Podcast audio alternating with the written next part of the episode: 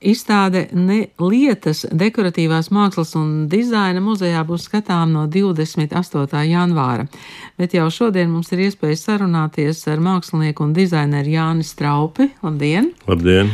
Un izstādes kuratoru Ines Baranovsku. Labdien! Labdien! Cik tad gadus jūs esat gājis uz šo izstādi? Nu, tagad ir 40 gadi. Bet pa vidam taču ir bijušas izstādes. Jā, šī muzejā man ir piektā izstāde. Un šajā sakarā es atceros, ka pirmā izstāde bija pirms 30 gadiem. Un ir ļoti daudz kas mainījies izstādes organizēšanā, tādā ziņā, ka pirms 30 gadiem es pats izliku darbus nepārdomāti, daudz reizes pārliekot no vienas stūra uz otru, pats gaismoju, pats taisīju ielūgumus meklēju presi, meklēju. Nu, Atceros ļoti daudz ko darīju, ko tagad dara nu, uh, muzeja komanda ar Inesu Baranovsku priekšgalā, kas nu, neticami profesionāli viss notiek raiti. Es vienkārši neesmu pieredzējis pie tādas auklēšanās, tas man nu, ļoti iepriecināja. Sakiet, kurš bija iniciators, lai būtu šī izstāde vispār? Un, un lai jūs sakoncentrētos un uh, parādītu pēdējo trīs gadu darbus un parādītu arī procesu, kā šie darbi top? Mēs, man iepriekšējo izstādi Siguldas pilsētas kompleksā veidoja Rihards Funds, un mums viņa kopā radās tā ideja. Mēs arī uzreiz uzaicinājām Inesi, un paldies Dievam, viņa piekrita Tad jau es biju nomierinājos, un tas, eh, ar ko šī izstāde atšķirās no iepriekšējām, ir daudz lietas, ko es daru pirmo reizi. Pirmo reizi es rādu procesu, skices, maketi un gatavais darbs. Pirmo reizi es taisu tādu izmēru nu, lielformātu darbu kā svārsts, kurš ir 12 metrus garš.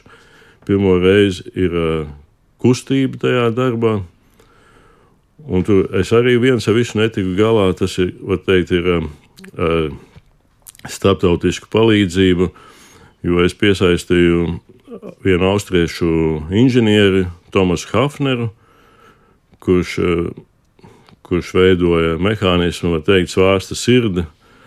Un tur arī negāja viegli, un tad man vēl nāca tālāk mani brāļi, kas man palīdzēja līdz galam tikt galā ar, ar dažām problēmām, un tagad viss ir kārtībā. Paldies Dievam! Un tagad izstāde nelietas būs skatāma. Mm, tas nosaukums nelietas, vai tas liecina par to, mm, ka tās ir nevis lietojamas lietas, bet mākslas priekšmeti, mākslas objekti? Jā, noteikti. Un es eh, vēlētos teikt, protams, paldies Jānim eh, par atzinīgiem vārdiem muzeja kolektīvām, bet eh, mēs jau visu laiku esam kā, mūsu muzejas dekoratīvās mākslas un dizaina muzejs un Jānis Traupe, tā ir sena draudzība, sena mīlestība un arī tās iepriekšējās izstādes. Un tiešām, nu, katram māksliniekam ir vajadzīga kustība uh, process, pilnveidošanās. Un tieši ar Jāni, ar visām viņa izstādēm, mēs redzam soli pa solim, kā mākslinieks veidojās. Ja? Uh, un, uh, Kas ir ļoti svarīgi Jāņa Straupas daļradē, ir tas, ka viņam ir perfekts amatniecības praks, prakse, pieredze, zināšanas, know-how, ja?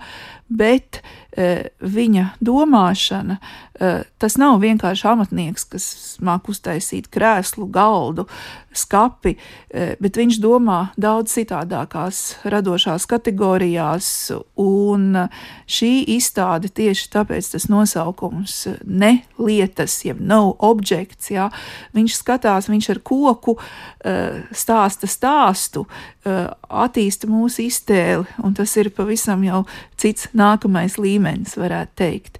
Mūsu tik ļoti ļoti e, mantiskajā pasaulē, kad mums ir tik daudz lietas vajadzīgas un nevajadzīgas mums visapkārt, jā, un vai vajag vēl, jā, e, tad e, Jāņa izstādē šis ļoti latviskais materiāls koks liek mums aizdomāties un uh, neuzspiež tādu konkrētu literāru stāstījumu, bet liek filozofiski aizdomāties. Um, sakiet, vai koks uh, varētu teikt, ka ir moderns materiāls mūsdienu dizainā? Jā, pasaulē, Eiropā un arī Latvijā ir tā kā Rīgas krāsu fabrika nodarbojās ļoti augstā līmenī ar dizainu un, un mintu, mintu uzņēmums. Varbūt vēl kāds, es domāju, ka jā.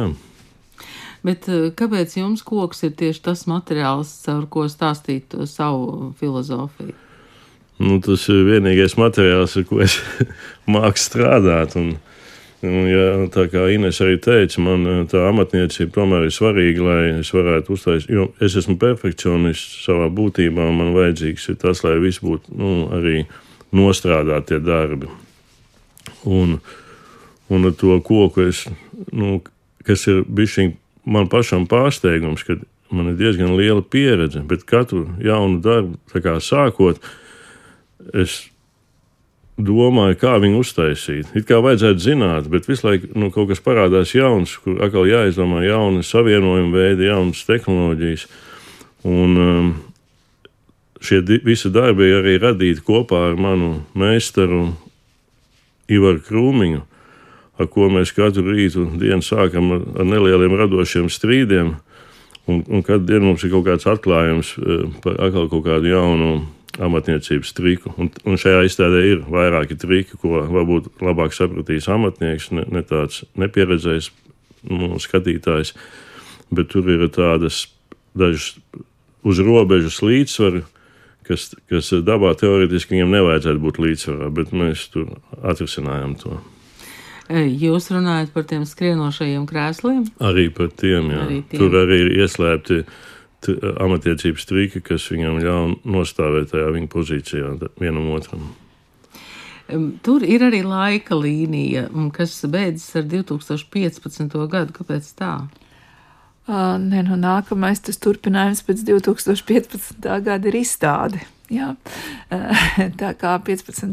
gadā bija uh, izstāde funkcionālais neprāts, uh, tā bija varbūt ne tik liela formāta izstāde, bet toties tās kumodas, kas tika, jā, kad ir funkcionāla mēbeli, bet ar savu āķi noslēpumu, intrigu.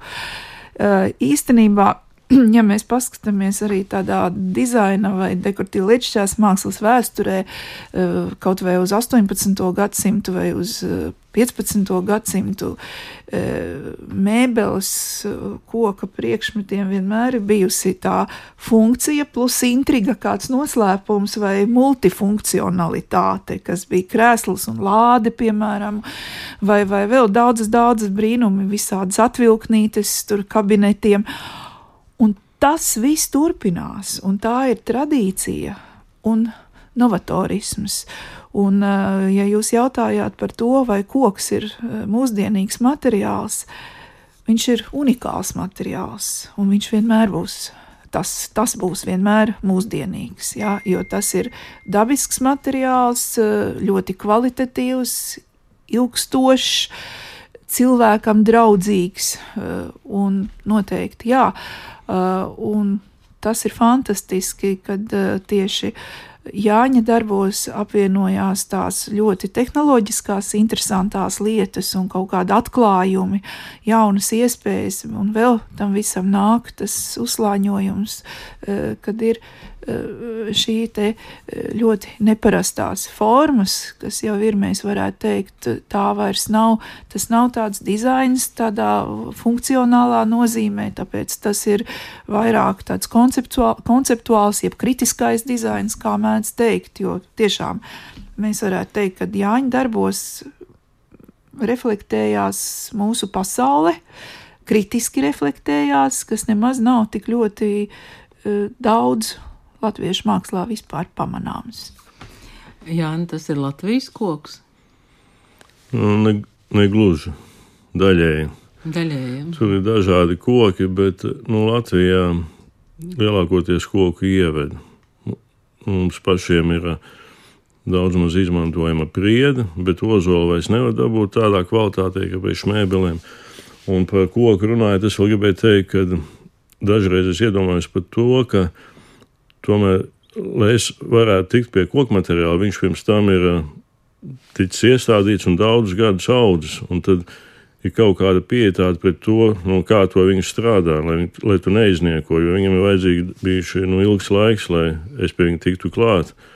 Tad es viņu arī cenšos attiekties pret viņu cieņu būs izstāde, bet šeit jūs jau pastāstījāt varbūt dažas lietas, kas īpaši māksliniekiem, īpaši amatniekiem būs interesantas. Būs arī sarunas izstādes laikā. Jā, Eh, protams, kā vienmēr muzejā izstādē ir pavadošā programma.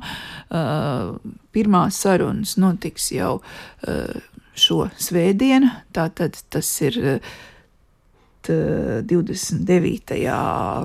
janvārī, pulkstens divos, sarunas ar mākslinieku un mani. Un savukārt pēc tam jāseko muzeja mājaslapā, jo būs nodarbības gan bērniem, gan arī pieaugušiem, skolotāju seminārs, nu, visas lietas. Un tiešām eh, tas, ko Jānis teica par koku, jā, cieņpilna attieksme pret materiālu. Koks ir audzis ilgi, un mēs arī ar viņu strādājot, mākslinieks, dizainers, nu, to ne, netaisa šo darbu, neveido kaut kādai vienai dienai. Tas ir tādā ilgstošā tagadnē un nākotnē. Jā, un jums ir arī skolnieki? Jā, patiesībā ir. Es um, jau kādus 20 gadus strādāju Rīgas amatniecības vidusskolu, un manā darbnīcā pa laikam tiek, tika taisīti uh, skolnieku diplomu darbi. Un dažreiz arī kāds no viņiem paliek pie maniem strādāt. Jāsaka, tas varbūt neliksies daudz, bet pa 20 gadiem, manuprāt, man ir izdevies izaudzināt trīs labus amatniekus. It kā tas neliekās daudz, bet, bet tas nav arī maz.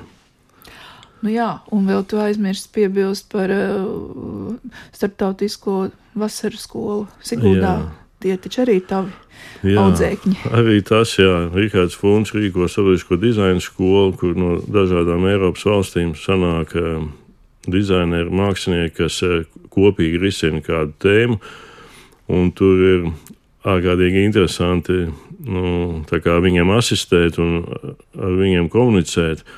Un tagad vēl bija pēdējā dizaina skola šogad, ko es biju ārkārtīgi pārsteigts par, par studentēm, meitenēm. Mums bija darbs ar koku, šajā reizē bija jātaisa visiem krēsli no apēkoka sagatavēm. Un tas bija man pilnīgs pārsteigums, kā tās meitenes varēja ņemt kaltus, cirgus un fiziski visu dienu no rīta līdz vakarām kaltu un ņemties, nu, muguru nepaceļot, nu, vienkārši cepuru nost. Nu, bet tas tomēr ir smags darbs. Jā, fiziski smags, protams. Sava veida izaicinājums. Jā. Paldies jums šodien par sarunu. Tātad izstāde Jānis Traupe ne lietas dekoratīvās mākslas un dizaina muzejā līdz 26. martam. Un šeit studijā bija mākslinieks dizainers Jānis Traupe un kuratori Ines Baranovska. Paldies! Paldies! Paldies.